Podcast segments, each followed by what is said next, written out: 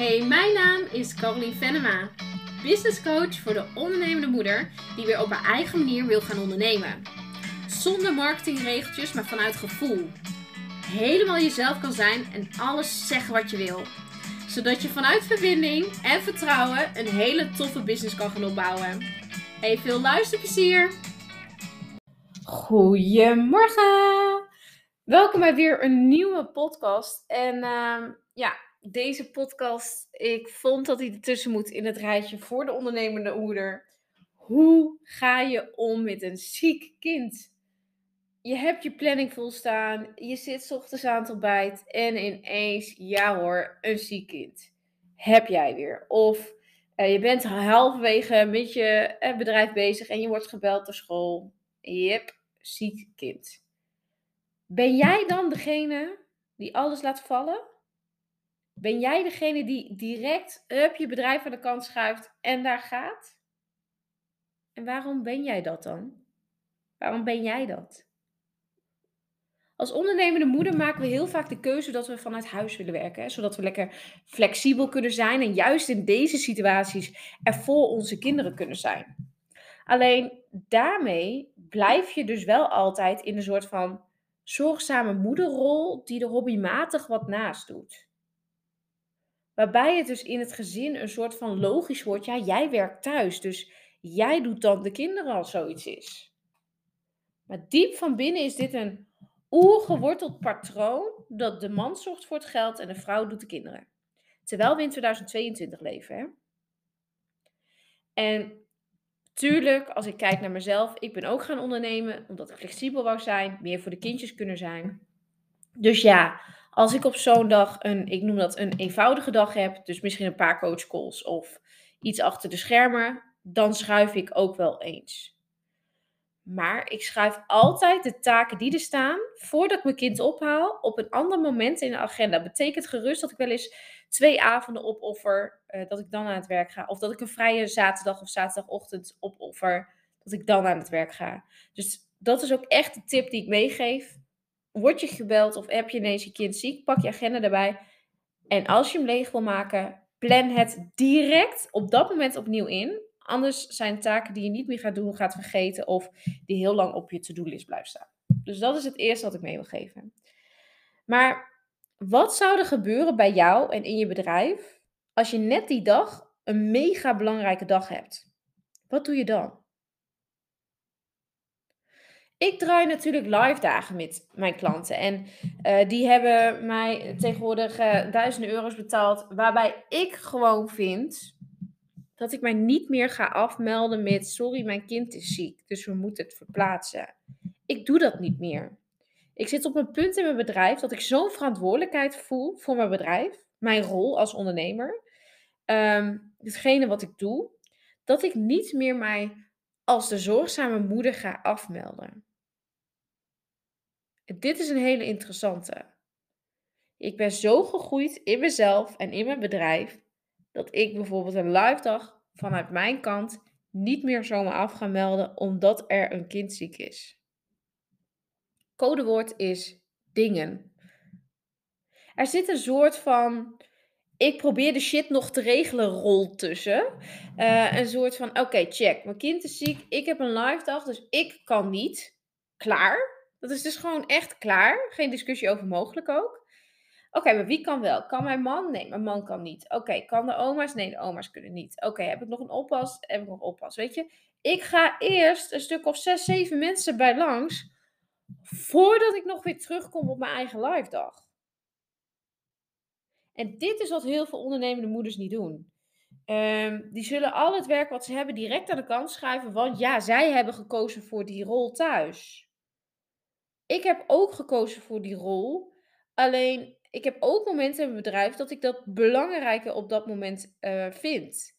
En dat klinkt heel hard als ondernemende moeder. Maar het is wel de verantwoordelijkheid die ik draag. Ook voor de omzet die ik draai. Ook voor de klanten die ik heb. Als ondernemende moeder ben je nog steeds zelf aan zet om te beslissen hoe gaan wij als gezin ermee om als er een kind ziek is. En als er gewoon letterlijk een afspraak tussen jou en je partner is gemaakt van ja, jij bent degene die dat doet, hey, helemaal prima partner, maar uh, dan doe jij vanavond vanaf 6 uur de kinderen, want dan heb ik vanavond die tijd nodig. Eis je tijd weer opnieuw weer terug. Zo van ja, prima als ik vandaag 6 uur bij mijn kind ben. Maar luister, dan ben ik dus vanavond 4, 5 uur bezig voor mijn bedrijf.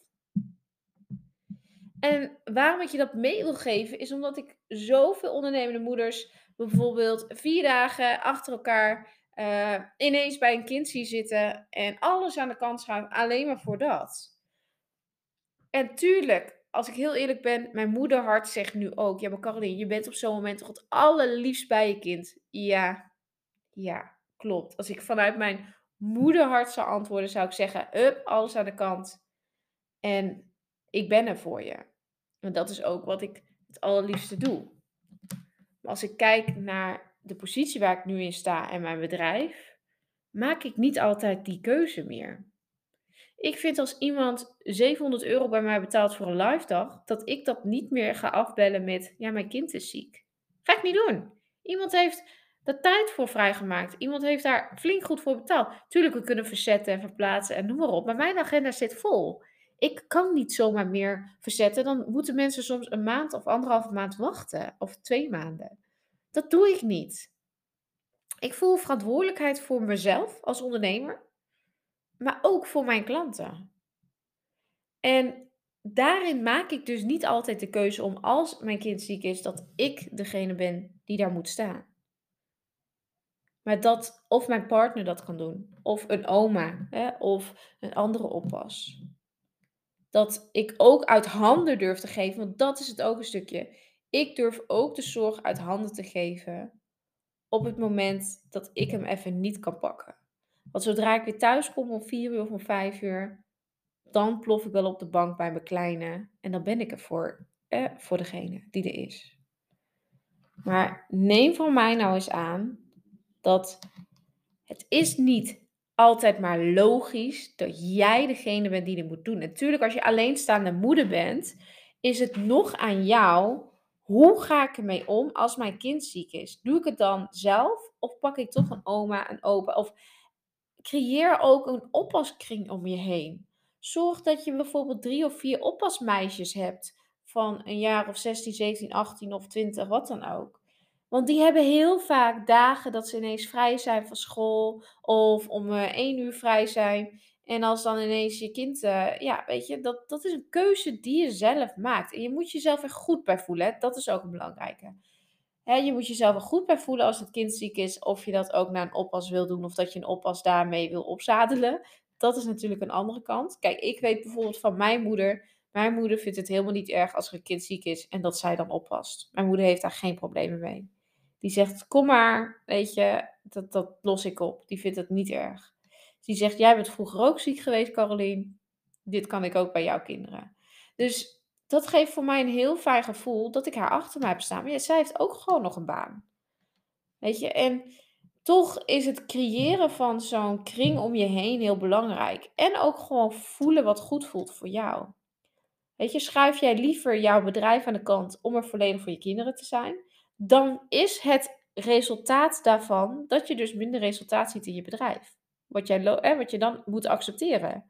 Als jij dan komt van, ja, maar ik wil wel een goed loopbedrijf, wil... Ja, lieve, maar als jij keer op keer, week na week, ehm, jezelf aan de kant schuift door dat. Als we even terugkijken naar de coronatijd bijvoorbeeld, heb ik ook overdag heel veel de kinderen gedaan. Echt heel veel.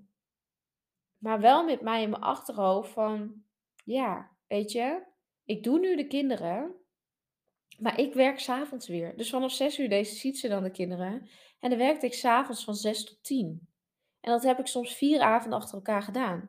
Zodat ik toch mijn bedrijf draaiende kon houden in die tijd. Dus had ik overdag de kinderen, werkte ik tot tien uur, ging ik weer naar bed. En ochtends om zeven uur stond ik weer naast mijn bed. En had ik weer de kinderen. En s'avonds werkte ik weer. Was het aanpoten? Ja, het was aanpoten. Maar ik heb het wel gedaan. En ik sta daardoor nu waar ik nu sta. En dat is ook een goede eye-opener. Vijf jaar geleden zat ik nog in loondienst, stond ik niet waar ik nu stond. En nu sta ik hier als zelfstandig ondernemer. Mijn hele gezin leeft van mijn bedrijf. Ehm, weet je, ik ben zo gegroeid. Ik heb omzetten van hier tot Tokio. Dat is gekomen doordat ik ook deze keuzes heb gemaakt. En niet door mezelf altijd maar weg te cijferen. Dus voel wat voor jou goed voelt. en pak de verantwoordelijkheid voor je bedrijf. Dankjewel voor het luisteren naar deze podcast en ehm, tot morgen!